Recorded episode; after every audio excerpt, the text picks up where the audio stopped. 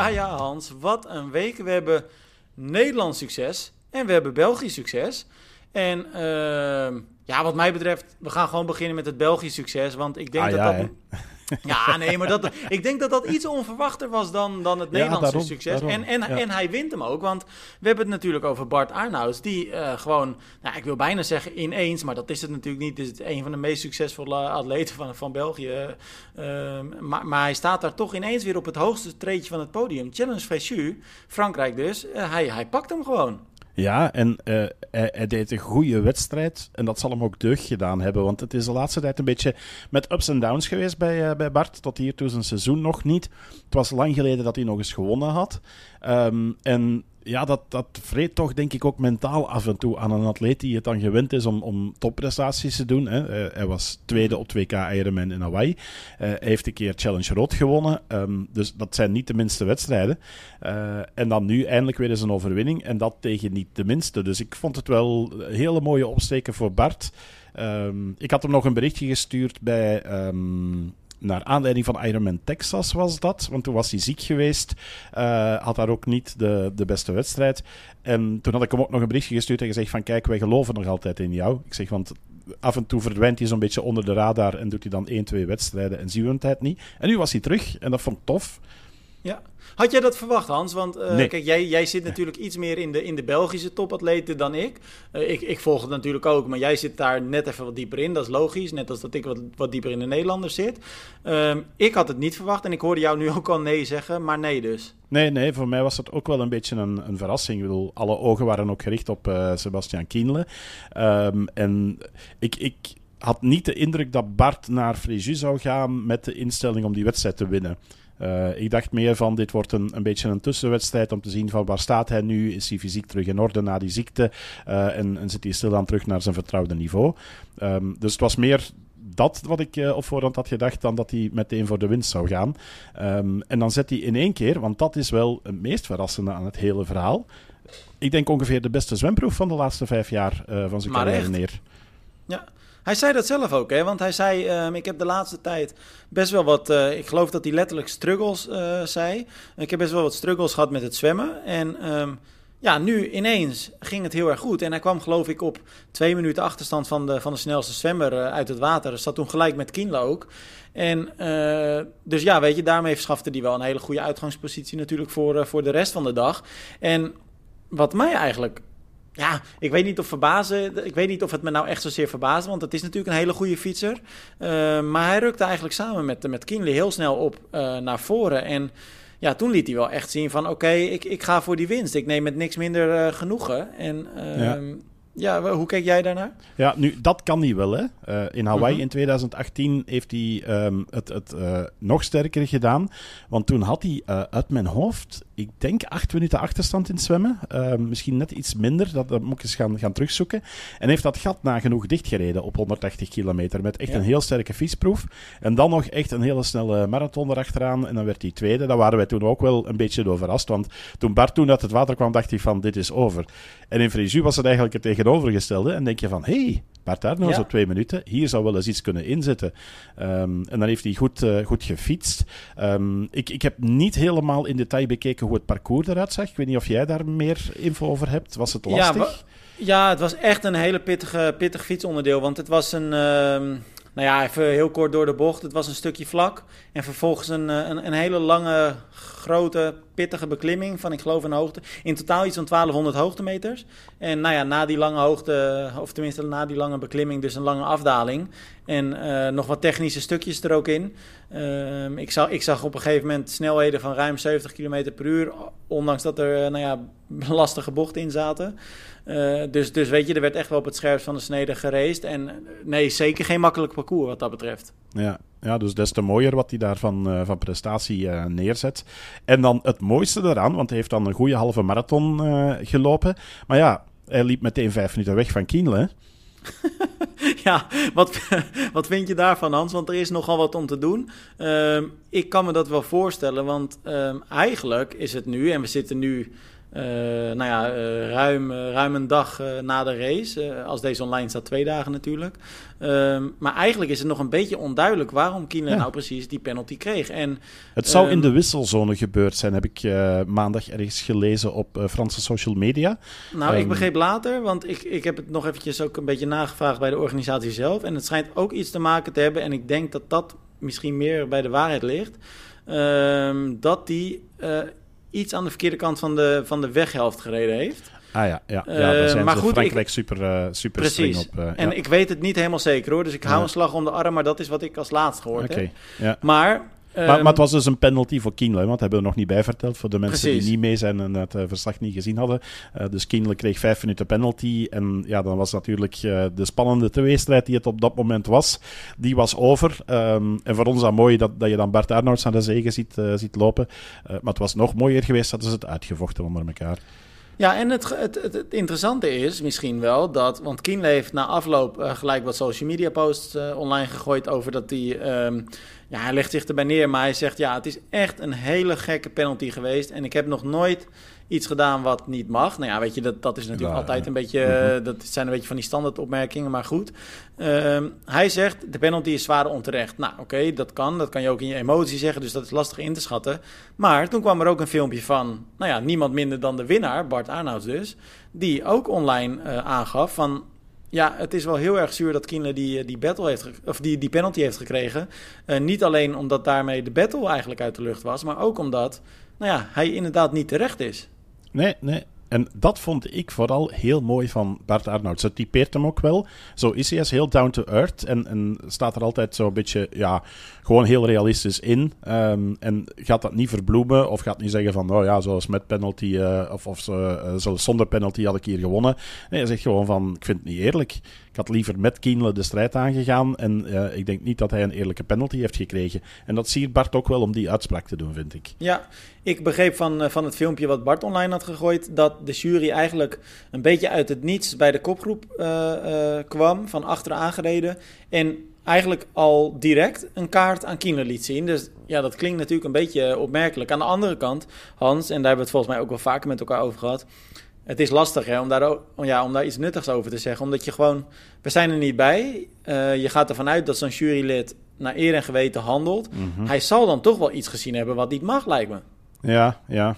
Ja, ik, ik, zeg dat als buitenstaander heel moeilijk uh, te beoordelen.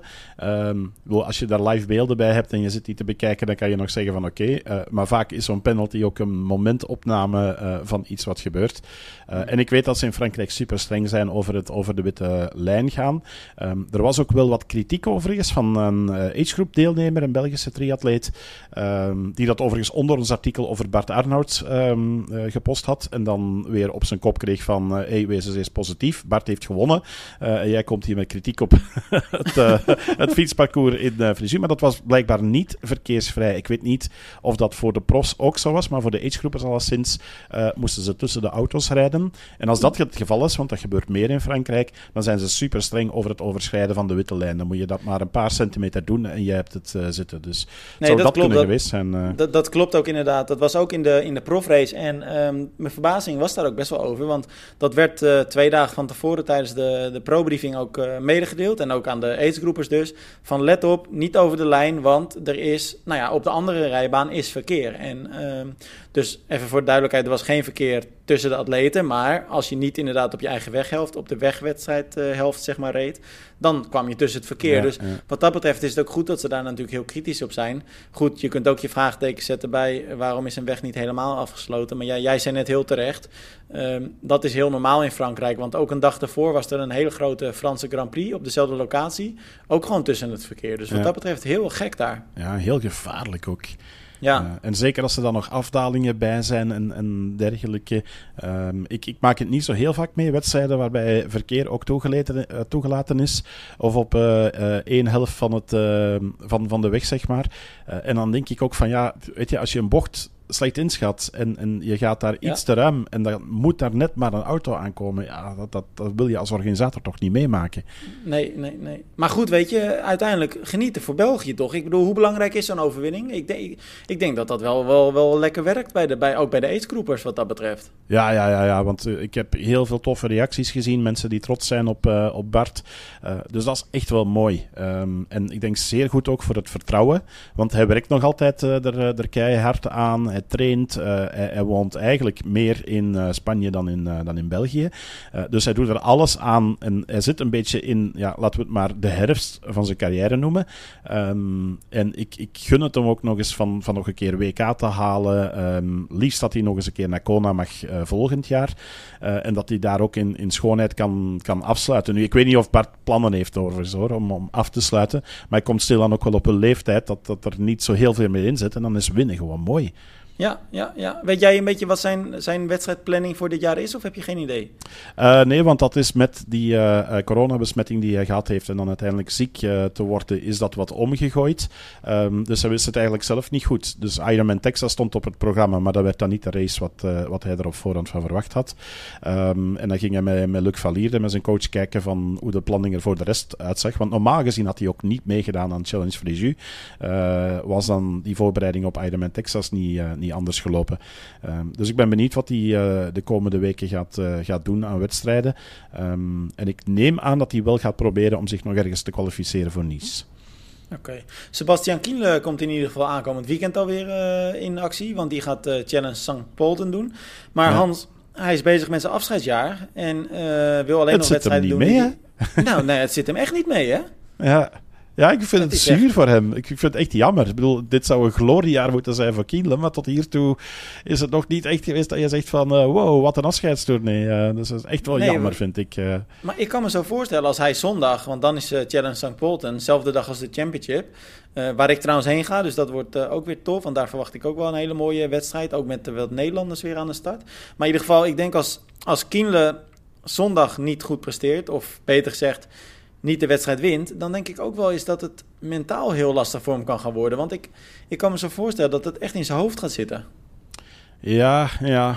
Ja, ik, ik, ik, weet niet hoe ik dat moet inschatten. Ik denk ook wel dat het feit dat je aan je afscheidsjaar bezig bent en dat je een tournee nog doet van wedstrijden die, uh, die je nog leuk vindt en die je graag wil doen, uh, dan weet ik niet in hoeverre dat dat nog meespeelt van dat je daar topprestaties wilt pakken. Langs de andere kant is en blijft een topsporter, dus hij zal absoluut wel balen, denk ik, dat hij die penalty heeft gekregen en daardoor niet op het podium kwam. Um, maar ik weet niet of dat, dat heel hard mentaal op dit moment bij hem gaat, uh, gaat meespelen. Ja, en, maar Hans, hij wil die wedstrijden echt wel winnen in zijn laatste jaar. Ja, ik denk het eigenlijk ook wel. Het is ja, ik bedoel. Ja, precies. Het, uh, dat kan niet anders. Ja. Heb jij, uh, heel iets anders, heb jij ook genoten van de Afrika Cup of niet? nou ja, wij, wij, wij, hebben, ik denk dit jaar zelfs misschien één Afrika Cup waar een Belg aan meegedaan heeft, voor de rest niet. Vroeger gebeurde dat wel meer. Um, dat de Belgen zo in, in de winter nog even naar de Afrika Cup trokken, maar dat is alweer even geleden. Dus uh, ik, ik volg het net iets minder. Um, maar bij jullie was het uh, ja, best wel spektakel in de wedstrijd en daarna ook blijkbaar. nou ja, laat ik vooropstellen. Kijk, we beginnen positief, Hans. Want kijk, Afrika Cup zijn natuurlijk niet de meest sterk bezette wedstrijden. Dat, dat kunnen we wel rustig zeggen. Um, maar je moet natuurlijk nog steeds van hele goede huizen komen als je die wedstrijd of zo'n wedstrijd wint. En ja. uh, Barbara de Koning, die deed het um, eergisteren, zondag dus, voor, het, voor de vierde keer uh, dit seizoen al. Dus die wint haar vierde Afrika Cup van dit jaar. Dus dat, en, en dan pakt ze ook nog één keer al een tweede plek. Dus Barbara de Koning is echt uh, lekker op dreef. En uh, ja, die trapt het seizoen wat dat betreft echt geweldig af. Ehm, dus niks, niks dan lof daarover wat dat betreft. Ja, want die heeft er nu maar, vijf gewonnen, hè? Ja, vier heeft ze. Dit was de vierde. En ja. dan heeft ze één keer een tweede plek inderdaad ja, ja. gepakt. Dus, nou, dus vijfde podium. Ja. Maar, er zijn drie atleten die nog geen vijf wedstrijden gedaan hebben dit jaar. En zij heeft al Precies. vier overwinningen onder de gordel zitten. Dus, uh, ja, en, dat, en, dat en laten, we niet, en laten we niet vergeten, waarvan ook een aantal echt wel met hele goede dames aan de start. Ik bedoel, ze heeft al, nou sowieso één, misschien twee keer als ik me goed herinner, Rachel Klamer in een rechtstreeks duel verslagen bij die Afrika Cup. Dus weet je, dat zijn natuurlijk niet uh, de minste namen. Um, Afgelopen weekend uh, was de race in Marokko. Uh, ja, daar moet ik ook bij zeggen, het veld was daar ja, gewoon echt niet heel erg sterk. En Mhm. eh, er stonden uiteindelijk sowieso maar twaalf dames eh, die van start gingen. Dus ja, dat is eh eh, Ja, ja, ja, je had een topveld in eh, Yokohama in de WTCS. Er was ook nog de European Triathlon Cup in Caorle, waar veel toppers stonden. Dus ja, dan blijft Ja. er inderdaad niet zoveel over. eh. Ja, maar nou heb ik wel een hele belangrijke vraag aan je, Hans. Want jij zei net, ehm, ehm, eh, er was ook wat eh, gedoe achteraf. Nou, dat eh, is toch wel een understatement. Want ik moet zeggen, ik heb weer wat reacties met verbazing en toch ook wel een... ja, ook wel een lichte vorm van plezier gelezen, want ik verbaas me er soms over. Kim van het Verlaat stond ook aan de start. Aan de start en ehm, nu gaan we er natuurlijk geen eh, Kim van het Verlaat Best eh, programma van maken, helemaal niet. Maar Kim eh, had, had een slechte dag, kwam al met minuten achterstand uit het water. stapte vervolgens op de fiets af. En daar hebben we wel geteld één of twee zinnen in het positieve artikel over Barbara aangeweid. Want ja, daar ontkom je niet aan. Ze staat Mhm. als Nederlander aan de start, dus noem je ook wat, wat ze gepresteerd heeft. Ja. En papa van het verlaat, Jeroen, die was voor de... Nou, ik, ik, heb, ik ben de tel kwijtgeraakt. Jeroen die is vrij vaak boos als het over zijn kinderen gaat... en als ze niet goed gepresteerd hebben en dat op triathlon staat. Hoe, hoe is dat in België? Zijn, zijn, er, zijn, er, zijn er vaak ouders die dan eh, eh, slecht om kunnen gaan met kritiek in de, in de media over hun kinderen? Of valt dat mee in België? Soms valt dat wel voor, maar dat valt bij ons nogal mee. En dat gebeurt meestal ook niet heel openlijk. Vaak is dat wat, eh, wat subtieler. Of krijg ik wel eens een, een berichtje. Vaak krijg ik eigenlijk dan een, een bericht om wat recht te zetten over informatie die ik niet volledig heb. Hè, bijvoorbeeld, want ik had begrepen dat Kim eh, lek gereden is in die Afrika Cup. Ja? Ehm, als je dat op dat moment van publiceren niet weet en je zegt, kijk, die is minuten achter in het zwemmen en is vervolgens uit moeten stappen op, in het fietsen, eh, dan is dat correcte informatie, maar dan heb je op dat moment niet meegekregen van, oké, die is lek gereden. Dus dat zou je dan ter aanvulling erbij kunnen zetten. Dat gebeurt bij mij ook wel eens, dat ik bij een artikel Ja. wat, eh, wat aanvul. Maar meestal is de kous daarmee af. Ik moet ook wel zeggen dat eh, bij sommige, ja, sommige ouders zijn zo hard gefocust op de kids en, en wat die doen, ehm, dat het, het af en toe wel eens wat grimmiger klinkt en dergelijke. En denk ik ook van, ja, eh, weet je, ik heb vroeger ook al discussies gehad met ouders die zeggen van, ja, maar eh, eh, jij doet dan favoritisme en je brengt meer van die dan van die. En denk ik van, nee, dat is absoluut Nee. niet het geval. Maar als je in die tunnelvisie zit, dan begrijp ik ook dat je op een gegeven moment zoiets hebt van, ja, maar ja, het is altijd hetzelfde. Dan denk ik, nee, Ja, dat is maar niet wat zo. ik me-. Want wat, wat ik me afvraag, want jij, jij gaf ook aan, we hadden het er net al eventjes over, en toen zei je ook van, ik lees best wel met verbazing soms de reacties eh, bij jullie, hè, dus bij, bij, bij triathlon.nl. Ehm, ik vraag me dan af, als ik dat soort reacties lees, want eh, eh, kijk, wat ik zei, Jeroen die heeft het nu voor de, voor de duizendste keer gedaan en die is echt, nou ook niet bepaald voor reden vatbaar. Dat is niet, dat lijkt mij ook niet echt bevorderlijk voor nou ja, je eigen kinderen in dit geval, eh, eh, atleten. Want we krijgen ook reacties. Kijk, hij wordt nu ook op Facebook best wel. eh, hij krijgt best wel veel kritiek over zich heen van andere lezers. Ja. Zijn, zijn kinderen die zien dat ook. Dat lijkt mij niet per se een hele wenselijke situatie, toch? Ja, het, het lijkt mij sowieso tactisch niet de beste zet om dat openlijk op Facebook te doen. Dat, is- dat is vooral hetgeen wat ik denk. En ehm, ik, ik kan me dan ook voorstellen dat je als kind zelf denkt van... Hé hey, papa, eh, hallo, kappen, klaar. Ja. Hoe, hoe, hoe, zou- hoe, hoe zou jij daarmee omgaan dan, Hans? Want ik, wa- wat ik ook al. Ik, ik heb er ook eens over nagedacht. En eh, ik ben ook een tijd eh, eh, journalist geweest bij een aantal kranten. En dit is echt iets van alle tijden. De Ouders, eh, er zijn altijd, nou ja, jij noemde het net hele fanatieke ouders. die het gewoon lastig vinden om nou ja, kritiek over hun eigen kinderen te lezen. En die daar ook gewoon heel fel op reageren. De- Ja, de- ik ja. heb ook niet de illusie dat dat gaat veranderen de komende jaren. Maar ja, hoe zie, jij, hoe zie jij dat? Zie jij dat als een groot probleem of niet? Ja, weet je, ik, ik geef toe, het is van alle tijden. Ehm, ik, ik herinner mij eh, vroeger ook nog een eh, tante van eh Tina Dekkers. Ik ga ze niet bij naam noemen, maar die was ook binnen het wereldje wel bekend. En die was ook altijd kritisch op alles wat niet met Tine te maken had. En Tine was in haar ogen de, de beste. En dat vonden wij vaak ook. Maar als ze dan Ja. een keer wat kritischer waren, of gewoon moesten schrijven van ja, dat ze een mindere dag had, ehm, dan, dan kreeg ik wel eens een berichtje binnen van, van de tante die zei van ja, maar onze Tine Oh, is de oh, beste. Oh. En weet je wel. eh, maar het heeft er ook vaak mee te maken dat, dat eh, mensen, denk ik, ehm, een, een, een wedstrijdniveau en dergelijke verkeerd inschatten. Ehm, en dat vind ik binnen de triathlonsport af en toe wel een lastige. Hè? Want je hebt En ook hun Triathlon, eigen eh, niveau? Championship Series, je hebt dan de World Cup, je hebt de, de, de, Europe, de Europe Triathlon Cup en dan heb je de Afrika Cup. Dan praat je eigenlijk over een cascade van, van niveauverval. Ehm, want uiteindelijk, als je gaat kijken wie op het podium staat van zo'n Afrika Cup, als je die laat meespreiden op het allerhoogste niveau, die gaan nooit meedoen voor het podium. Uh, sommigen kunnen wel eens een goede dag hebben en, en misschien top 10 halen in, in het beste geval. Maar uh, normaal gezien, zeker in deze bezetting, was dat niet zo. Maar naar de buitenwereld toe lijkt het dan wel van, oh wauw, weet je, hè, mijn mm -hmm. dochter, ja, die doet het internationaal wel, uh, wel goed en, en had helemaal geen verkeerde wedstrijd. Maar dan denk ik van, ja, als je in een sprinttriathlon op de Afrika Cup helemaal achteraan zit, ik zou daar ook niet al te veel roering aan geven. En nee, gewoon nee. zeggen van, ja, kijk, mindere dag op naar de volgende en door. Um, want ik vind ook nou ja, dat... Weet je, dat, maar dat is grappig dat je het zegt. Want ik ben het volmondig met je eens. Maar mijn volgende verbazing kwam vervolgens uit een reactie die uh, Kim van het Verlaat zelf gaf. En um, ja, ik, ik, moet er echt een beetje om lachen. Maar ik bedoel het niet lullig. Maar het is de, de gedachtegang... Ik vind hem zo opmerkelijk. Want zij, op een gegeven moment zei ze uh, uh, in een gesprek met een andere lezer...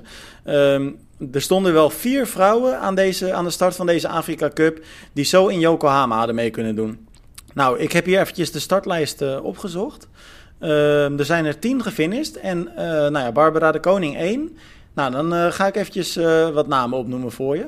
Ja. Sarah Village, Marta Kropko, nou dat is niet per se de allerslechtste, maar goed, nou komen ze. Hè.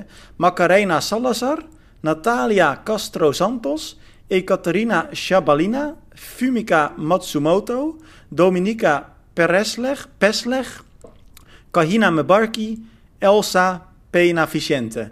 Ja, dat zijn toch niet echt de gemiddelde WTCS-winnaars, hè? Of wel? Nee, nee. nee, inderdaad. inderdaad. Is, maar dat is toch een hele gekke gedachtegang dan, Hans? Ja. Ja, dat is... Uh, ik denk, ja, ik zeg het, buiten Barbara de Koning en dan, ja, Sarah Village, die heeft ook nog wel... Uh, maar dat is ondertussen ook weer een paar jaar geleden nog een, een redelijk uh, palmares. Ja. Uh, maar de rest, Kropko, dat is wel een beetje opkomend talent. Ja, die zeker. vooral, dacht ik, ook in de aquathlons zeer, zeer goed doet.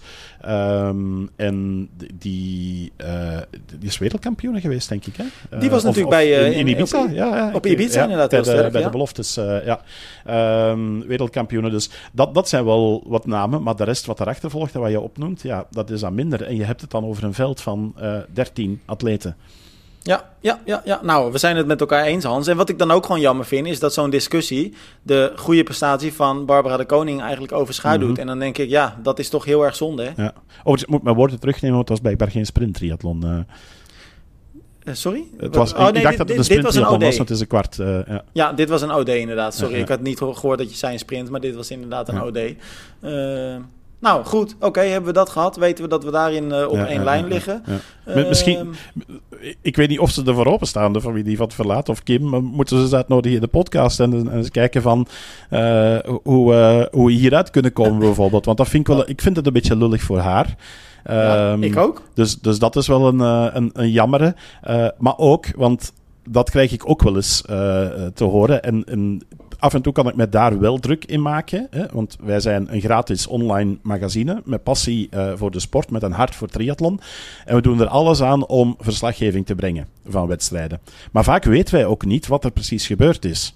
En dan zijn er soms wel mensen die uh, dan online gaan verwijten van... Uh, ja, maar jullie doen aan uitslagenjournalistiek en je weet niet hoe het precies gebeurd is. En dan denk ik van, ja, we kunnen het ook helemaal niet brengen. Um, en je, probeert nog moeite te doen om er iets over te brengen, maar ik vind ook dat er een rol ligt en een verantwoordelijkheid bij de atleten om duidelijk ja. te zijn van hoe die wedstrijd verlopen is. Ja. Post een berichtje ah. op social media of stuur een mailtje en zeg van kijk, ik had een uh, klote wedstrijd, niet zo goed gezwommen en dan lek gereden. En dan heb je meteen een verhaal. En dan heb je één zin waarin alles staat en heb je helemaal geen discussie meer. En dat is ook weer grappig dat je het zegt, want dan sla ik gelijk even het brugje naar de WTCS in Yokohama. Daar hadden we uh, Richard Murray uh, natuurlijk uh, namens Nederland aan de start. Enige Nederlandse deelnemer um, bij de mannen. Um, had, een, had een slechte dag, finishte 36e. En nou, dat had ik opgeschreven, wedstrijdverslag. En nou ja, ik had hem 20, 25 minuten na de finish geloof ik eventjes op de lijn. via, via Instagram was het geloof ik. Waarin hij aangaf, joh, let eventjes op. Want ik heb tijdens het zwemmen een enorm harde klap op mijn neus gehad. last van mijn neus, hele dikke gezwollen neus. Nou ja, en dat zorgde er wel voor dat mijn dag natuurlijk een heel stuk lastiger werd. Nou ja, en, en wat doe je dan? Dan schrijf je daar inderdaad een nieuw artikel over ja. en dan heb je die duiding gebracht. Mm -hmm. En zo moet je elkaar uiteindelijk versterken, toch? Ja, nee, dat klopt. Dat klopt helemaal. helemaal. Dus, uh, en wij doen daar echt moeite voor, hè? want ik heb het van dit weekend nog tegen een paar mensen gezegd. Uh, het was dus WTCS in Japan, in Yokohama.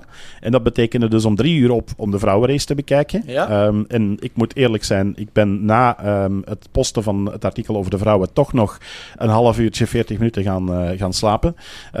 en dan bij de mannen terug opgestaan en um, daar ook verslag over uitgebracht. Dus een heel korte nacht gehad met twee stops erin. genoten van de wedstrijd. was echt wel een hele Ja. mooie race. Ehm, zowel bij de vrouwen als bij, eh, bij de mannen. Voor ons bij de mannen nog net iets spannender. Omdat eh, Jelle Geens daarin zevende werd en Marten van Riel zijn comeback mee maakte eh, met de mooie dertiende plaats. Ehm, maar dan doe je dus al die moeite. Dan heb je s ochtends twee artikels online staan. eh, met redelijk wat reacties ook op de social media en dergelijke. En in de namiddag, of net voor de middag was het denk ik, dat hij binnenkwam, wint Nick Thijs een 70.3 Ironman. Een Ja. age group only race op eh, eh, Mallorca. Mallorca. En dan is dat in één keer het vijfvoud aan reacties daarop. En dan denk ik van... Dus ik ben de, zowat de hele nacht wakker gebleven om over de World Triathlon Championship Series, het allerhoogste niveau op de Olympische triathlon, die, die gasten die bezig zijn om, om zich richting Parijs op de Olympische Spelen klaar te stomen, die dromen van een medaille. En dan hebben wij een Belgische agegroep atleet die een agegroep only wedstrijd wint. En echt kudos voor Nick hoor, want Nick is een topkerel, is een, een triathlon talent. Eh, met wat mensen rond hem eh, dit weekend er ook over gehad. Dat eh, volgens mij kan hij binnenkort de stap gaan zetten naar het pro-circuit op Ironman en Challenge. Dus daar niks van af. Maar ik vind het dan toch opvallend dat mensen op zo'n Ironman-overwinning, al is het dan een halve, dat er gewoon meer reacties op komen dan, dan op de toppers in, in de WTCS. Ja, ik vind het Wat eigenlijk vind jij helemaal niet daarvan, zo eh, Tim? Ja, ik vind, ik vind dat niet zo opvallend, want dat is iets wat ik vanaf de eerste dag heb gemerkt dat ik met triathlon bezig ben. En dat is inmiddels al eh, heel wat jaren nu.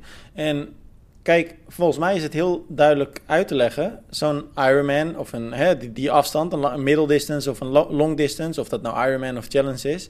ehm, dat spreekt volgens mij veel meer eh, tot de verbeelding voor de gemiddelde lezer van ons. En de, onze lezers zijn triatleten. En dat zijn triatleten die nou ja, misschien voor het eerst zich klaarmaken voor een sprint of een, of, een, of een OD. En uiteindelijk vaak willen doorgroeien naar op zijn minst een halve en misschien zelfs wel een hele triathlon. Je kunt jezelf veel meer verenigen met, eh, met, met die atleten die dan een keer een aidsgroep race winnen, dan met de gemiddelde Ja, ja, profatleet ja, die, die in Yokohama een, een zesde plaats haalt. En waarvan je eigenlijk geen idee hebt wat dat, nou ja, qua, ja, wat dat voor inspanning is. En ehm, kijk, wij zijn het er met elkaar volgens mij over eens. En, en jij zei het net ook heel terecht. Dat is het allerhoogste niveau eh, op de korte afstand. En dat zijn geweldige prestaties. Maar dan nog is het voor Jan uit Gent of Piet uit Horen Ja. niet zo heel interessant wat Jelle Geens in, nou ja, Cagliari doet of in Yokohama afgelopen. Dat is gewoon, ja, dat, dat is gewoon wat minder interessant. En daarbij komt dan ook nog, en dat is, en dat is denk ik in Nederland een groter probleem dan in België, is toch wel een beetje die soms misplaatste arrogantie van een aantal van die profatleten die heel onbenaderbaar zijn. Eh, en, en ook altijd fel zijn als, als iets niet goed gaat. En zich dan heel negatief uitlaten op social media. Ja, dan maak je jezelf ook niet echt geliefd of zo, hè? Nee, nee, dat klopt. Dat, dat heb je dan ook nog eens. En ik denk dat dat bij ons wel veel minder is. Ehm, Ja. Bij ons zijn de meeste atleten heel erg benaderbaar. eh, en hebben ze ook wel die uitstraling. En, en weet je, iedereen doet ook wel een babbel in, in zijn wedstrijden. Je ziet ze af en toe in België aan het werk. Ehm, dus, dus dat is eigenlijk best wel mooi om, om te zien. Ehm, hetzelfde met een Bart Arnouds of een Frederik van Lierde. Die zijn super geliefd. Of een Pieter Hemerijk. Die, die babbelen gewoon met de agegroepatleten als ze Ja. samen aan de start staan te wachten of aan te schuiven of weet ik veel. Ehm, dus, dus ja, misschien zit het daar ook wel een beetje in. Eh, maar ik, ik zeg het, ja, ik blijf dat een klein beetje opvallend vinden. Dat je, ja, als je dat met andere sporten gaat vergelijken, is, is toch wel een vreemd, eh, eh, een vreemd verhaal. Het is ook het mooie aan, aan onze sport. Dat vond ik overigens nog een, een opvallende aan de reacties op dat stukje over de Afrika Cup. En vond ik ook nog best wel een, een hele discussie. Want daar reageerden ook triatleten die zeiden van ja, is een lekke band bijvoorbeeld reden om uit de wedstrijd te stappen. En dan ging het ook een beetje eigenlijk over, ja, je, je bent als triatleet, there's no DNF. En, en, eh, dus je krijgt dat ook, dat soort eh, reacties. Ik vond het ook wel, wel een goeie om die discussie wel eens, eh, wel eens te voeren. En, en misschien ook eens aan luisteraars te vragen. Ze mogen altijd reageren van, ja, wat doe je met, met een lekke band? En zelfs in een OD, op een Olympische afstand ga je dan alsnog je band vervangen of zeg je van nee, dan ben ik te ver achter en dan zit mijn wedstrijd erop? Ik, ik vind dat wel ook een, een interessante discussie. Wat, wat vind jij ervan, uh, Tim? Ehm, ja, volgens mij is het heel, volgens mij is dat heel uh, makkelijk te beantwoorden. Waarbij ik, kijk, eventjes de kanttekening maken dat uh, deze discussie werd inderdaad gevoerd onder dat artikel. En die had dus betrekking op uh, Kim. Ja. Uh, ja, ik wil het even ik... lostrekken van haar overigens. Want ik snap op, op het, uh, het hoogste niveau, als je binnen een World Triathlon wedstrijd zit, op welk vlak, of dat dat nu Afrika Cup is of, of World Triathlon, World Cup of, of WTCS, een, een lekke band is eigenlijk einde van je kansen binnen een wedstrijd.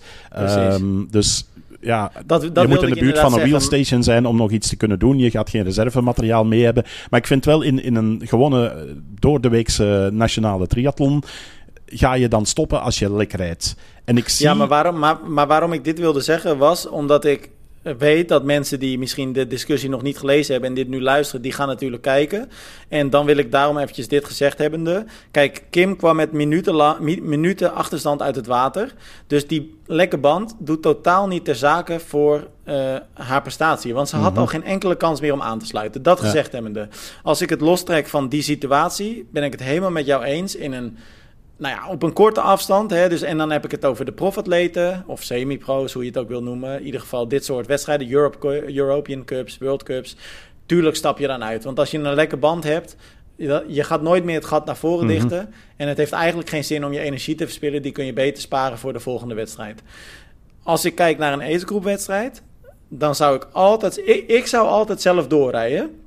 En dat is tweeledig. Eén, ik, ik heb heel lang getraind voor een wedstrijd, dus ik zou ook gewoon de wedstrijd willen halen. En ja, tuurlijk is het zuur als dat dan niet in je droomtijd lukt. Maar dan heb je in ieder geval de finish gehaald. En twee, je hebt ook gewoon betaald voor je wedstrijd. En dat is vaak ook niet heel weinig. Dus ja, dan zou ik er ook maar lekker van genieten, toch? Ja, ja, ja. Ja. Nee, ik, ik, ik heel, daar, daar ben ik het met je eens. Um, ik, ik, ik zou zelfs ook materiaal meenemen in, uh, in de wedstrijd ja, om een lekker band sowieso. te herstellen. Want dat extra gewicht maakt bij mij niet zo heel veel uit. Uh, in mijn uh, hashtag 113 naar 113. dat is ondertussen al een, een veel beter getal aan, aan de voorkant. maar dat extra gewicht gaat het dan niet maken. En dan denk ik van, ja, weet je, dan, dan kan je toch nog iets van je wedstrijd maken. En die paar minuutjes die je, die je verliest met een bandenwissel uh, dat pak je er dan maar bij. Maar toch valt het mij vaak op dat atleten vaak geen materiaal mee hebben. Um, En in, in het uh, slechtste geval uh, materiaal om één band te vervangen. En ja, als het dan nog een keer gebeurt, ja, dan is het einde verhaal. maar zeker op een langere afstand wel, denk ik van, ja, daar, daar zou ik dan toch misschien nog wat extra voor voorzien. Of, of ja, ik weet het niet, dat, dat is dan weer een, een lastigere. maar ook bijvoorbeeld... Ja, nou, dat er zijn triatleten die, die uh, zelfs bij de agegroupers, um, gewoon keihard kiezen voor tubes. Die zeggen van, nou, daar, daar rij ik sneller op, dus ik ga voor tubes. Maar dan weet je ook van, als je lek gaat, afgelopen. Ja, ja, ja, nee, ja, inderdaad. Ja. Het, het blijft altijd een hele lastige keuze. Kijk, als ik naar mezelf kijk, als ik een sprint zou doen, dan zou ik waarschijnlijk ook niks meenemen. Dan denk je, ja, oké, als ik dan mhm. uitval, so be it. Uh, op een halve zou ik denk ik één bandje meenemen en op een hele neem ik er twee mee. En ja, het, kijk, het kan gebeuren dat je drie keer lek rijdt. Hè? Kijk, kijk naar een Evert Scheldinga die op een gegeven moment uh, Almere moest beëindigen. Grote kan, kans hebben toen voor de wedstrijd. Uh, moest uitstappen omdat hij te vaak lek achter elkaar reed. Uh, ja, weet je, dus ik, ik, snap ook wel dat er een grens aan zit uh, aan hoeveel je meeneemt. Je kunt moeilijk een hele fietsenwinkel meedragen natuurlijk. En ja, ik kan me ook wel voorstellen dat als je twee of drie keer lek rijdt, dat je er ook wel een beetje ja, ja, dan, dan ben je er ook klaar mee. Dat denk ik ook ja. wel. Ja, dat zou ik ook ja. wel hebben. Uh, uh. Ja, het, nou is een interessant om eens over na te denken. Van, van, en ook voor, voor uh, de atleten die er misschien wat minder bij stilstaan. Dat dit helpt om, uh, toch eens te denken van oké, okay, wat zou mijn wedstrijdtactiek zijn? Om het uh, ja, te vermijden en, en alsnog een, een band te kunnen wisselen. Ik, ik ja. vraag me ook af overigens hoe goed iedereen daarin is. En of dat wel eens getraind wordt. Want ja. dat heb ik ook al wel een paar keer gezien. En ik heb er zelf ook al wel eens wat op geoefend. Nu, de ene keer gaat dat goed en de andere keer minder. Maar als je het nog nooit gedaan hebt dan is het een drama. Ja, ik weet nog heel goed, en ja, mijn ouders, uh, als die dit luisteren, dan uh, moeten ze waarschijnlijk lachen. De eerste keer dat ik mijn hele triathlon ging doen, toen zat ik de week voor de wedstrijd nog uh, heel wanhopig te oefenen hoor, in de tuin. Met, met mijn bandjes eraf halen en, en er weer opzetten. En, ja, ja, het, is to, het is toch een klote, klote ja, klus als je het niet kan. Ja. Nou ja, nu, eh, nu moet het lukken. En jij Hans, kan, je jezelf redden of niet? Ik kan mezelf wel redden, ja. ja. Het gebeurt alleen, ik houd vasthouden. En eh, ik ben zaterdag twee uur gaan fietsen eh, met, met een supergoed gevoel. Tegenwind vertrokken en dan ehm, ja, iets na, na halfweg had ik echt de wind eh, van achter en op een, een lang rechtstuk zelfs helemaal in de rug. Echt een wind in de zeilen, vingers in mijn neus, eh 536. ik voelde me Ah, goed, nice. jongen. Oh, Lekker is ja, dat, hè? Ja, dat is echt wel leuk. Maar het was ook gewoon, ik had, ik had een, eh, een goed gevoel. En ik was onderweg op een gegeven moment aan het denken. En terwijl ik het dacht, dacht ik, Hans, niet doen, niet doen, niet doen. Was ik aan het denken van, het is echt al wel lang geleden dat ik lekker, lekker gereden ben. ja, zo moet je niet denken. Slechtste gedachte ooit om, om te hebben, Ja. maar ik heb hem wel gehad. Ehm, Ja. En toen dacht ik ook van, shit, ik moet het hier niet gaan jinxen. Eh, maar het valt me wel op dat ik al een tijd, eh, ik heb blijkbaar eh, hele goede bandjes. Dus... Ja, maar ben jij iemand die zijn fiets goed onderhoudt of niet? Nee, nee, dus. niet, niet, niet echt. weet je, we hebben het nog gehad over die, die regenrit wat ik daar had gedaan in die helse Ja. omstandigheden. in, in de ochtend dat ik helemaal onderkoeld ben thuisgekomen. Ja, Ja, die fiets die staat natuurlijk nu weer helemaal proper, maar dat heeft toch bijna een week geduurd. ja oké, ja, dat, is, dat is niet goed. nee, nee, nee. Maar toen kon ik mij ook niet toe brengen om dat meteen te doen. En dan blijft dat staan. En dan denk je van, oké, voor de volgende rit gaan we hem even eens eh, proper oppoetsen.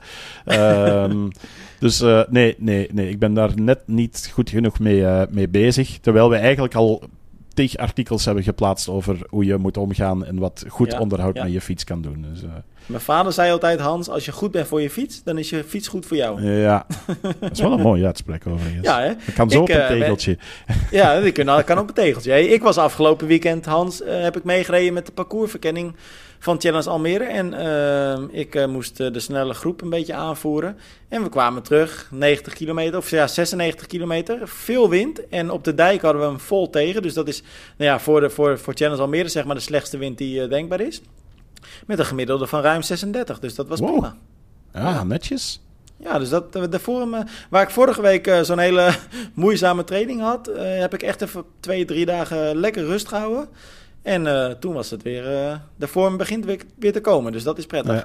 Nee, goed zo, man. Goed. Maar dat heb je af en toe wel. Ik, ik merk dat ook wel Ja. af en toe. Je hebt af en toe zo'n slechte training nodig om weer Ja. te genieten van zo'n echt goede training. Klopt. En je hebt ook echt die rust af en toe nodig. Ik merk ook wel eens dat als je, soms heb je, ja, ben je bijna een soort van slaaf van je schema. Ik, heb dan, ik, ik train sowieso veel op gevoel. Wat dat betreft noemen ze me ook wel eens de Sam Long uit Nederland. Maar ehm, Yo, yo, yo, yo. yo, yo, yo. Eh, maar goed, dus, dus dat maakt het wel iets makkelijker. Maar je, soms, ja, weet je, vaak aan het begin van de week denk ik van... oké, dan wil ik maandag dit doen, dinsdag dat, et cetera. En ik merk wel, ik ben wel iemand die daar gevoelig voor is. eh, en die dan ook wel bijna zichzelf verplicht om die trainingen te doen. Terwijl je wel eens aan je lichaam voelt dat je misschien beter rust kan hebben. En je merkt gewoon dat als je dan twee dagen echt even rustig aandoet... dat, dat je dan veel sterker weer bent. Heb je dat ook niet? Ja, ja, nee, maar dat klopt wel. Dat klopt. Ehm, en, en dat merk ik ook in mijn trainingen zelf, van dat de, de, de ene dag gaat het eh, beter dan de andere. Maar als je dan bijvoorbeeld op maandag gaat lopen, je hebt op zaterdag en zondag niks gedaan, dan, dan voel je je ook frisser als je aan die training Precies. begint. Ja. Ja. Nou, oké, dan herkennen we daar eh, elkaar ook in. Hans, één belangrijk ding wat we sowieso nog even moeten bespreken. Want we hebben nu al een paar keer eh, Yokohama genoemd. Jij eh, noemde net ook de geweldige prestaties van de Belgische mannen. Maar ehm één ding wat ook echt fantastisch was, is natuurlijk Maya Kingma. ja. En ehm, ik moet zeggen, kijk, we weten allemaal dat, ze, dat ze natuurlijk ontzettend goed is van wereldklasse. En, ehm, maar ze heeft een, een lastige periode achter de rug. Blessures gehad, eh, een beetje ziekig. Maar ze werd gewoon eventjes zesde. En eventjes is natuurlijk tussen aanhalingstekens, want het is echt een, een prestatie van formaat. En daarmee voldoet ze gelijk aan de individuele kwalificatie-eis voor Parijs, voor de Olympische Spelen. Dus ehm, en, tuurlijk, het is nog niet 100% zeker dat je dan ook mag. Dat hangt wel van een paar eh, kleine dingen af. Maar in principe is de kans zeer groot dat ze nu naar de Olympische Spelen mag. Ja. Ja, dat is toch wel heel eh, een lekkere opsteker eh, nu al. Ja, ja, ja, absoluut. Nu, ik had er niet aan getwijfeld in het geval van Maya King, maar die ging zich sowieso kwalificeren. Ik denk dat ze er ook goed voor staat op de Olympische ranking. Ja, Ehm, maar ik, ik, ik hoor het je zeggen. eh, en ik heb in, in België ongeveer hetzelfde gevoel. Ik heb eh, Jelle Geens ook een, een berichtje gestuurd. En gezegd van, hé hey jongen, eh, ik, ik vind zevende plaats helemaal niet zo normaal. Want, Nee. want dat is het. En, en bij Maya klinkt dat nu ook zo'n beetje. Dat zijn echt wel topprestaties. Ja. Eh, en zeker als je ziet hoe de wedstrijd verloopt. En Maya die mee is eh, met, de met de kopgroep, met daarin grote namen. eh, nog, nog een, een heel degelijk loopnummer eh, neerzet. Want de, de hete adem van Georgia Taylor Brown in haar nek. En toch eh, blijven vasthouden en die niet meer laten terugkomen. Dus dat is echt wel een topprestatie. En eh, af en toe heb ik de indruk, zeker bij ons is dat, en ik denk dat dat in Nederland ook zo is, als je te veel goede resultaten neerzet, dat mensen dan zoiets hebben van, oh ja, zevende, ja, zo waar. Ja, dat is echt een beetje zo. Ja, kijk, laten we wel eerlijk zijn, Hans. Eh, ze wordt dan wel zevende. Kijk, het was natuurlijk geen Afrika Cup, hè. Dus wat dat betreft het niet... Oh, heel, heel, heel. nee, maar Hans, zonder gekkigheid. Ja, ik, nee, dat, dat is echt zo. En, ehm, maar dat, heb, heb je dat zelf ook niet dan? Want ik merk ook... Als je, kijk, de eerste keer dat, dat Maya Kingma eh, zeg maar die top 10 eh, pakte van een WTCS... En, en later won ze natuurlijk ook haar eerste... dan ben je als journalist ook lyrisch natuurlijk. Dus dan, Ja. weet je, je merkt dat in alles. Je, je bent gewoon enthousiast eigenlijk van haar prestatie dan. En nou ja, dat uit zich ook in je verslaggeving. En nou ja, ik kan mezelf denk ik recht in de spiegel aankijken als ik zeg dat ik nog even enthousiast word als ze nu zevende wordt. Mhm. En ik, ik denk ook dat ons artikel dat eh, echt eh, Ja, uitstraalt. Nee, maar maar het voelt wel iets meer normaal of zo dan, hè? Ja, het, het is dat, dat het niet meer zo verrassend is. Dus dat Ja. is wel een factor die, die, die wegvalt. Dat is dat verrassingseffect van eh, wow, wat een wedstrijd man. Eh, eh, top 10 op, op het Mhm. allerhoogste niveau. Ja, als dat ondertussen al twintig keer gebeurd is, is dat wat anders. Maar het blijft elke keer wel goed. En daar blijven wij ook op die manier over, eh, over schrijven. Eh, maar ik heb het dan vooral over ehm, eh, het feit dat een, een agegroep zegen ehm, later op de dag veel meer reacties oplevert. En dat dan in de, ehm, ja, de mainstream media in België. daar had iedereen het over de comeback van Martin Waril. Wat ook prachtig was. Die boven zijn eigen verwachtingen presteerde. En dan stond er zo nog één zinnetje bij. En Jelle Geens werd zevende. Ja, en ja, het was ja, vooral daarop dat Gek, ik het had, dat ik denk van, ja, maar dit is helemaal niet zo normaal. Wel, Dat is gewoon Nee. echt een topprestatie, heeft een goede wedstrijd neergezet, eh, heeft er hard voor moeten werken. Hè. Ehm, want Maya die was mee met, met de kopgroep van, eh, van zeven. Ook weer opvallend dat bij de vrouwen die kopgroep wegblijft, dat ze die, er weer niet in slagen om die te pakken. Ook al is er een, een grote numerieke meerderheid, maar goed, het hele veld was een beetje op elkaar gevallen, ook in de stream en de Mhm. regen. Ehm, dus dat, dat speelt natuurlijk ook in het voordeel, denk ik, dan van, eh, van de kopgroep. Bizar, hè, die omstandigheden. God, ja, dat verwacht je niet als je naar Japan trekt in deze Nee. periode van het jaar, denk ik dan. Dus dan verwacht je eigenlijk stralende zon en dergelijke. Ehm, dus dat, dat leek wel een Belgisch-Nederlandse wedstrijd op, eh, op dat vlak. Ehm, Maar bij de mannen eh, hebben ze er vooraan alles aan gedaan. En ehm, dat vond ik dat wel een opvallende, dat je dan een achtervolgende groep kreeg. Met onder andere Jelle Geens en Christian Bloemenveld. Ja, Eh, en die met z'n tweeën ook hard hebben moeten werken om die groep terug te brengen. Eh, en dan is Hayden Wild en Maarten Variel zijn dan nog een keer aan de boom gaan schudden. En dan zijn ze met z'n tweeën er opnieuw afgereden. Dan is er terug een breuk eh, ontstaan in, in de grote groep. En dan hebben ze weer hard moeten fietsen om dat dicht te rijden. En vanaf dan heb ik Jelle ook niet meer uit de top 10 eh, gezien in het fietsen. Dus ik denk dat hij wel zoiets had van vanaf nu blijf ik vooraan zitten. Als het nog eens breekt, dat ik niet nog eens in de achtervolging moet. Ehm, maar dat was eigenlijk, ja, naast de vaststelling dat Maya Kingma een topwedstrijd deed, Jelle Geens een topwedstrijd en Maarten Variel een geweldige comeback had, was het feit van dat Bloemenveld er helemaal niet zo goed uitzag. Nou, en oké, jij hij, heeft Ibiza gedaan, een week geleden. Ja, Maar nou ja, toch, Ja, jij, want jij zegt dat. Maar dan heb ik eigenlijk nog één constatering. Want wat denk je van die andere Noor? ja, ja, Gustav Iden, die echt eh, een van de laatste werd. En eh, nou ja, in het achtervolgende groepje met eh, Murray eh, uiteindelijk op de fiets zat en, en minutenlang achter zat. Ja, in het jaar waarin ze dan Olympisch kampioen willen worden, of in ieder geval Gustav Iden, die wil natuurlijk volgend jaar dan kampioen worden, Olympisch kampioen. Het enige doel noemde hij dat ja. wat hij nog wil bereiken binnen de triathlon. Ja, weet je, hij was eh, natuurlijk eh, onlangs al niet goed in, eh, waar was het ook weer? Op, In Abu Dhabi, wat-. Abu Dhabi inderdaad. Ja. En nu weer helemaal van achteren. Mhm. Ik ben benieuwd hoe, hoe zich Ja, dat ik- ik ontwikkelt. stel me daar ook mijn, mijn vraagje bij. Ik heb hem ook ja, van heel de wedstrijd niet gezien. En ehm, ja, het- eigenlijk achteraf ga je dan kijken en denk je van... God, ja, dat is waar. Iden die was niet mee met de grote groep. Dus dat... ja, eh, ja. En, en, en niet dat je dan zegt van eh, eh, er waren bepaalde omstandigheden of is weggeschoven of zoiets. Daar heb ik helemaal niks van gehoord. Hè, want er waren wel een paar valpartijen. Ehm, Maar ik heb daar niks van vernomen. Dus ik denk dat die gewoon niet goed was. En het toont ook wel aan hoe hoog het niveau is. Hè, ja, dat wel, dat wel. En ik denk ook, want uiteindelijk, ik zeg dan ja, Bloemenveld een week na Ibiza. Goed, dat is een 100 kilometer wedstrijd. Dat moeten de mannen van de korte afstand aankunnen. Uh, maar daar waarschijnlijk ook redelijk diep gegaan. Um, terwijl de rest misschien iets frisser in, uh, in Yokohama zit. Maar ik denk toch dat we nu op een niveau zitten dat het echt de bedoeling is van te focussen op één afstand en daarvoor te gaan en niet te veel op, uh, op twee paarden te gaan gokken richting Parijs. Maar dat is natuurlijk wel een beetje wat ieder nu doet, hè? Want die laat wel echt een beetje die langere wedstrijden schieten al. Uh... Ja, ja. en toch heeft dat niet meteen het effect. Dus ik. ik uh... nee. Ja. Ja, misschien misschien scheelt er iets en weten we niet het hele, het hele verhaal. Um, nee. En doen we aan uitslagenjournalistiek op dit vlak. Kijk uit waar je, waar je op, op welk ijs je je begeeft nu, hè?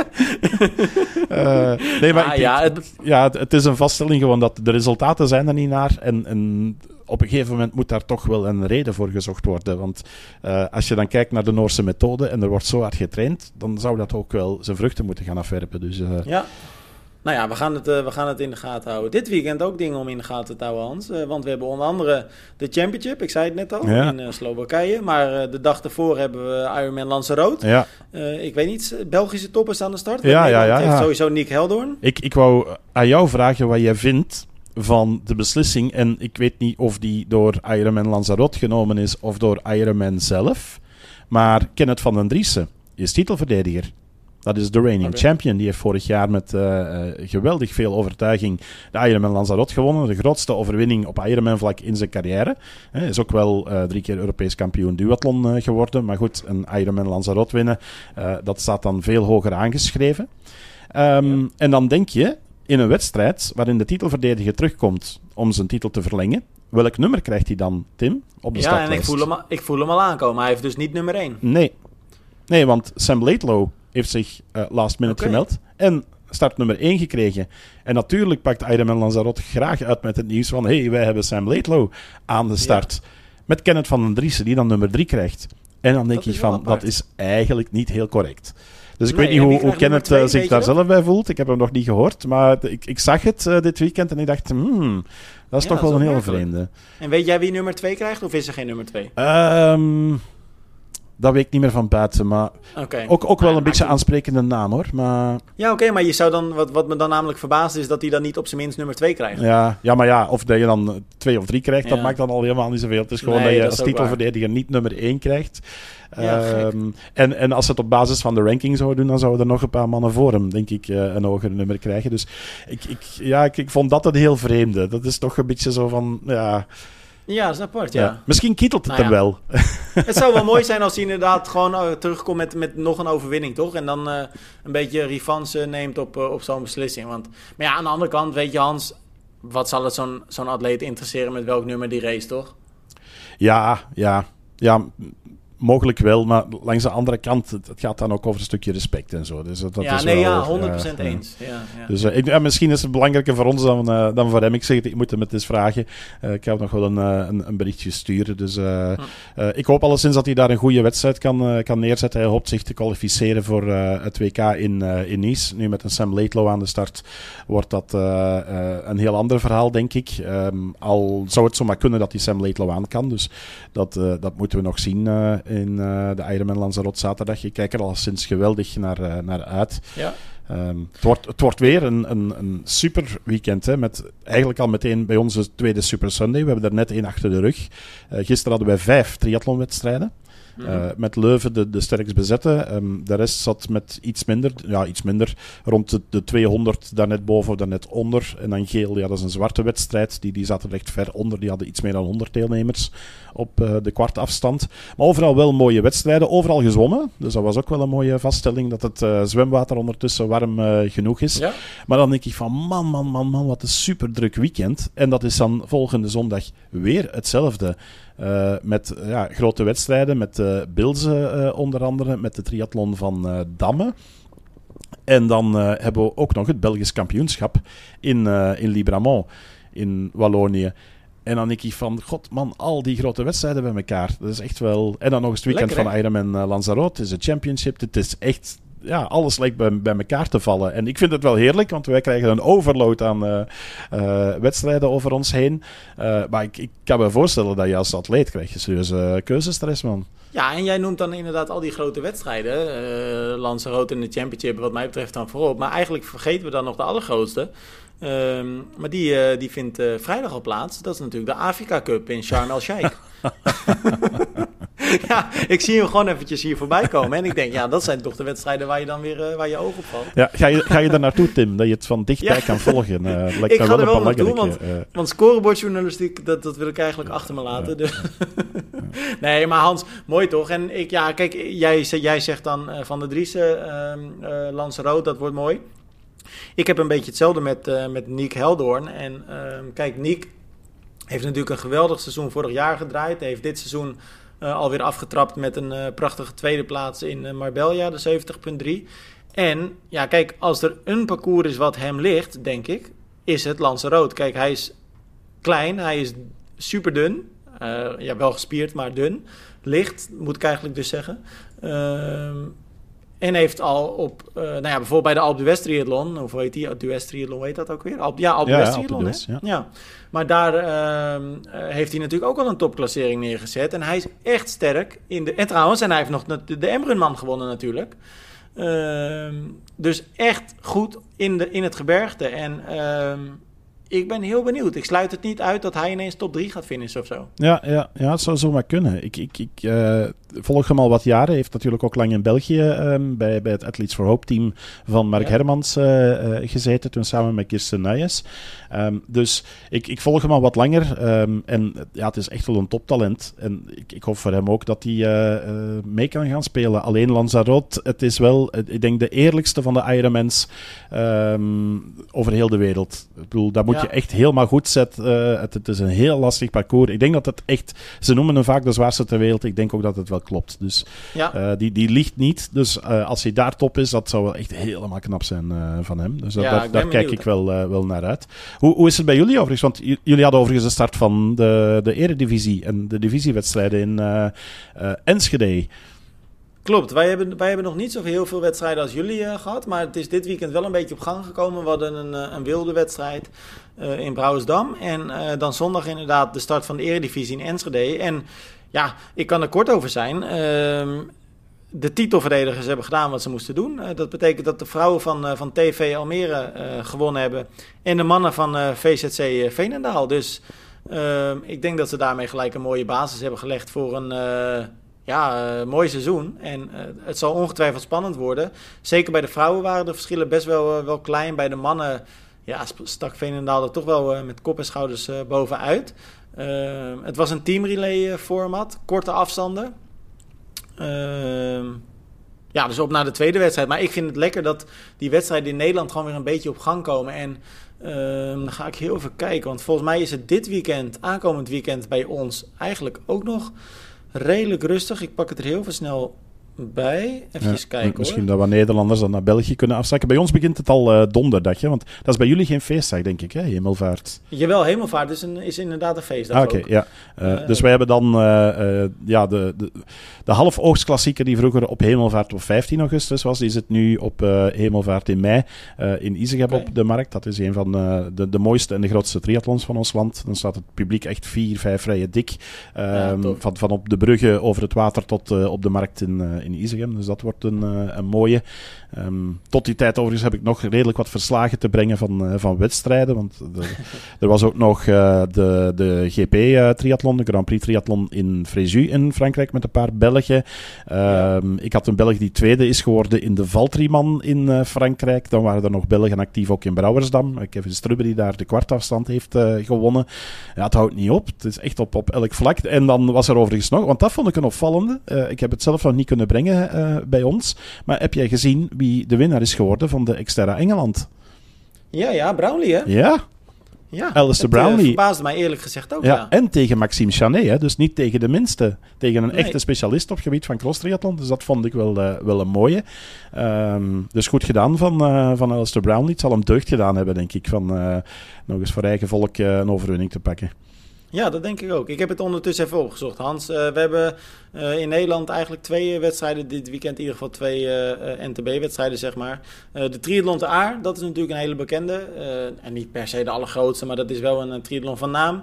En dan hebben we nog de Westland Triathlon. Ehm, en eigenlijk vanaf dat weekend daarna, dan begint het wel echt meer los te gaan, ook in Nederland. En ik moet ook zeggen, ik denk dat het niet zo heel verkeerd is dat het nog heel eventjes op zich heeft laten wachten. Want het zwemwater is hier echt nog wel koud hoor. Ja, ja. Ja, dus, eh, bij ons heeft het uh, temperatuur dat er mag gezongen worden, maar wel echt in wetsuit en uh, met twee badmutsen.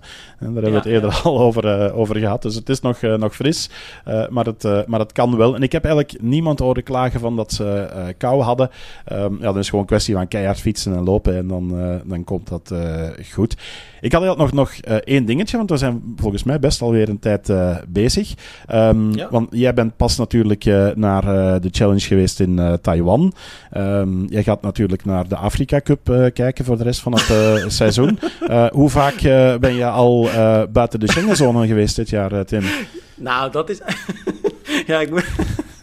ik moet even lachen weer. Maar ja, die... Ik denk, die Afrika Cups die gaan we nog wel veel terug krijgen, denk ik. Maar uh, ja, te Schengen. Je doelt natuurlijk op, uh, op Lucy Charles. En uh, ik las het bericht ook met verbazing. En uh, kijk, ik wist het eigenlijk al iets langer, omdat ik hoorde vanuit uh, Challenge. Nou ja, ze, kijk, ze overwoog ook de championships. Ze overwoog, overweegt ook nog steeds rood, waar ze natuurlijk een graag geziene gast is. Maar zoals het er nu naar uitziet, ehm, uh, ja, gaat het gewoon eventjes duren voor we, voor we Lucy Charles in, in uh, nou ja, Europa, zeg maar, om het zo even te noemen, de Schengenlanden in actie gaan zien komen. Want ze mag het land niet uit. Of in ieder geval, ze mag de Schengenlanden niet in. Nee, inderdaad. Dat is een hele vreemde. Ik wist ook niet dat dat voor sporters nee. uh, geldt. Dat, dat, want volgens mij komt dat toch ook voor in andere sporten pak, pakweg een wielrenner bijvoorbeeld. Ja, nou ja, wat mij eigenlijk het meest verbaasde was dat Lucy Charles dit probleem dan niet eerder gehad heeft. Want uh, de brexit is, want eventjes misschien voor de mensen die het niet weten, uh, de brexit is natuurlijk geweest uit mijn hoofd 30 of 31 januari 2020. Ehm, en met de brexit, dus het verlaten van, van Europa, van het Verenigd Koninkrijk, kwam er een regel dat mensen die in het Verenigd Koninkrijk wonen ehm, binnen een tijdspanne van 180 dagen nog maar 90 dagen in de Schengenlanden mogen zijn. En die 180 dagen die schuiven dus steeds op. Um, nou oké, in die periode is natuurlijk COVID geweest. Dus toen heeft Lucy Charles ook veel thuis gezeten. Of in ieder geval, ja, uh, ja waarschijnlijk gewoon thuis gezeten. Um, maar bijvoorbeeld vorig jaar zal ze dit probleem toch ook gehad hebben... dat ze te veel in het buitenland is geweest. Want zij zit super vaak op Lanzarote, ja. nou, net als dit jaar. Vorig jaar natuurlijk lang geblesseerd geweest ook. Dus misschien heeft dat ook wel ah, ja, meegespeeld. Ja, ja, dat zal inderdaad. Ja. Ja, nou ja, oké, dan heb je inderdaad mijn vraag beantwoord. Want ik vroeg me af hoe dat zat. Maar dat is het natuurlijk geweest. Die blessure die heeft daar een rol gespeeld. Uh, maar wat jij zegt, het, ja, en wat denk je van bijvoorbeeld uh, Lewis Hamilton, Formule 1, die ongeveer het hele jaar. Uh, ja. ja. maar dat zijn natuurlijk weer geen Schengenlanden waar hij ja, mhm. nou ja, 9 van de 10 Formule 1 banen is ook uh, Schengenland. Ja, ja, daarom. Ik, ik vind dat een, een, een, een zeer, een zeer vreemde. En misschien heeft zij, hebben die een ander statuut of zo, ik weet het niet. Dat, dat, uh... Nee, Lucy Charles schreef wel op de socials dat ze een topadvocaat uh, erop had, of een ja, topadvocaat erop had gezet. om nou ja, tot een oplossing te komen. Maar goed, maar goed die oplossing was er dus nog niet. Dus ja, opmerkelijk. Ja, ja. Overigens, Lewis Hamilton woont hij nog in Groot-Brittannië? Dat is ook nog de vraag. Want veel van die mannen hebben residentie in Monaco en dergelijke. Ja, daar vraag je me wat. Ik, heb, ja, daar, ik kan daar niks over zeggen. Mm. Ik heb geen idee eigenlijk. Nee, want kan die zwemmen? Zolang Lewis Hamilton in Afrika niet race, dan, dan kijk ik er niet naar. Hans, één vraag heb ik nog aan je. Ik ga vrijdag naar de Championship, uh, die zondag plaatsvindt. Uh, natuurlijk het uh, flagship event van Challenge Family. mooi startveld. Aantal topatleten qua Nederlanders. Um, zijn er nog Belgen die ik in de gaten moet houden of voor de camera moet trekken? Of zijn Absoluut. Er Belgen? Ja, ja, ja. Wie, staan, Pieter, wie staan er aan de start? Pieter Hemerijk, okay. die, die volgens mij uh, uh, kans maakt als hij niet te veel achterom kijkt op de fiets. Sorry, Pierre. ja, nou dat was ook een dingetje zeg. Ja. ja, dat was dat jaar dat hij tweede werd, denk ik hè? Uh, dat zou ik niet meer weten. Maar wat ik wel weet is dat ik toen op de motor heel lang naast hem reed. En hij bleef maar achterom kijken. En ik dacht bij mezelf, doe het nou niet. Je gaat zo goed. Mhm. Maar ja, hij kon het niet loslaten die dag. Ja, Dus uh, ja, ik weet dat Pieter erbij is. Um, voor de rest van onze pro's weet ik het niet van buiten. Uh, dat heb ik nog niet, uh, nog niet bekeken. Dus dat... uh, dat, nou, altijd leuk om Pieter weer even te zien en, uh, en te spreken. Dus, en wat je zegt, ik denk dat hij zeker een van de serieuze kanshebbers is. Dus uh, spannend. Ja, ja, ja. Want wie zie jij als een grote kandidaat? Uh? Ik moet je heel eerlijk zeggen dat ik het heel lastig vind inschatten. Ik ga heel even de startlijsten dan gelijk bij ja, pakken. dat is een goeie. Dan kunnen ik we dat meteen... Ik moet heel eerlijk zeggen, ik heb het niet uh, helemaal voor ogen wie er, uh, wie er aan de start staan. Ik google even snel. Even kijken. Ik heb hem hier uh, voor me. Ja, ja ik, zie, ik zie de naam voorbij komen en ik denk dat zijn in het, ja, wat mij betreft misschien wel de twee grootste kanshebbers. Frederik Funk ja. en Tom Bishop. Ja, ja. Maar goed, Pieter Heemrijk zie ik dan inderdaad ook wel als een hele serieuze kanshebber. Ik zie dat Challenge Family zelf met Hansen noemt, Aaron Royal. Ja, Royal is natuurlijk een gigantisch goede zwemmer. Mm -hmm. Met Hansen een hele snelle loper, maar ik denk dat de afstand net even te kort dan is. Uh, ja, ik, ik, ja, lastig. Ja, ik zet mijn geld dan op Funk, denk ik, dit ja, keer. Want het is gewoon over de halve afstand, hè, de championship. Uh, ja, dat is ja. op de halve afstand Ja, inderdaad, ja. Dus, wat, wat eh, zeg jij? Ja, het zou wel eens kunnen. Um, dit is een parcours voor hem, want het is biljartvlak. Um, en als er wat wind staat, dan, dan zou dat wel eens in zijn voordeel kunnen spelen. Dus uh, ik heb hem daar nog... Volgens mij heb ik het jaar dat ik speaker... Nee, nee dat was niet Frederik Funk. Um, maar ik, volgens mij heeft hij nog een keer uh, echt keihard gefietst in de championship. Dus, uh, vorig jaar, uh, nee, dat jaar daarvoor. Het jaar daarvoor, ja, want, ik, ja, ja. want vorig jaar werd mijn dochter geboren, toen was ik er niet bij, maar dat jaar daarvoor, toen lag hij ook heel lang aan de leiding. Samen met die andere Duitser, die, hoe heet die ook weer? Die, die dunne. Die hele lange dunne. Ja, zo'n hele lange. hoe heet die ook weer? Stratman? Die altijd in dat... Nee, die andere. Die in het blauwe pakje altijd. Race te, misschien nu niet meer. Ja, hoe heet die nou? Um, uh, ja. Nou, ik kom er niet op. Het heeft geen zin An, om er nu over... Andy uh, Draait zie je altijd in het blauw, maar dat, dat is niet meteen Nee. de grootste. Uh, nou, dit moeten we weten, Hans. uh, even kijken. Nou, was... Hij was toen ook zo goed in, uh, in Walchzee. Samen met Funk. Reed hij toen ook aan de leiding.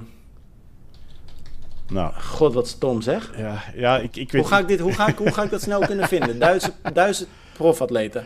Duitse prof... Nou wil ik het weten, want dit is een beetje suf. Uh, hele bekende.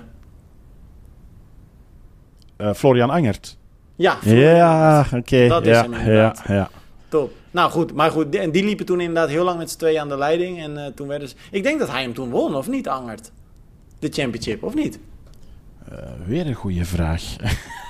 Nou, dit wordt een hele suf aflevering. Zo, ik ga het nog één keer... Angert, het is podcast, dan mag je dat. uh, Inside the Win of Florian Angert, ja, ja, ja. Ja, ja hij heeft ja, hem 2021, ja. klopt, klopt, klopt. Ja, dat zat wat verder weg, 2021. Uh, ja. Nou, dat was in ieder geval... Ik weet niet, ik denk dat hij er niet bij is dit jaar dan.